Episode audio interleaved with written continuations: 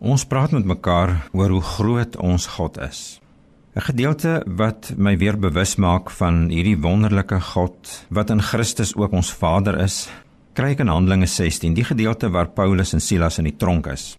Nou ken julle dit, hoe daar staan hulle is in die tronk. Nou onthou, hulle is tronk toe nie oor 'n misdaad wat hulle gedoen het soos wat ons nou gewoonlik glo dat mense wat in die tronk is is skelms en skurke en moordenaars en diewe Hulle is in die tronk omdat hulle die evangelie van Jesus Christus verkondig het. En nou is hulle vasgeketting en nou staan daar dat hulle om middernag lofliedere gesing het tot eer van die Here. En nou ken ons mos die geskiedenis wat gebeur toe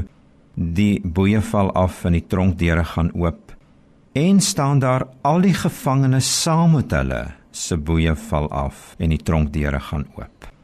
So die genade van die Here, wat moet mense sê, die sorg van die Here, sy liefde, sy omgee raak toe nie net vir Paulus en Silas nie, maar ook al hierdie skelms en hierdie ouens wat dit nie verdien het nie, wat saam met hulle in die tronk is. Hulle almal word vry.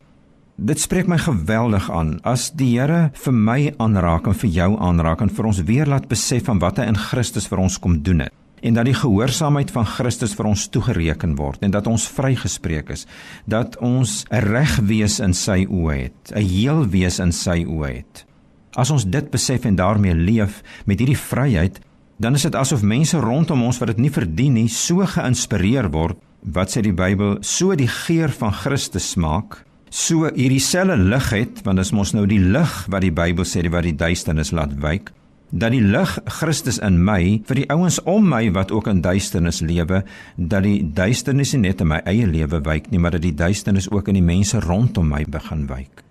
toe hy vir Paulus en Silas vrymaak, maak hy die ander gevangenes saam met hom vry. Maar weet julle wat nog meer aangrypend is dat niemand van hulle uit hierdie tronkselle uitgaan nie. Die volgende oggend toe die opsigters nou besef die boeye is af en die selle is oop,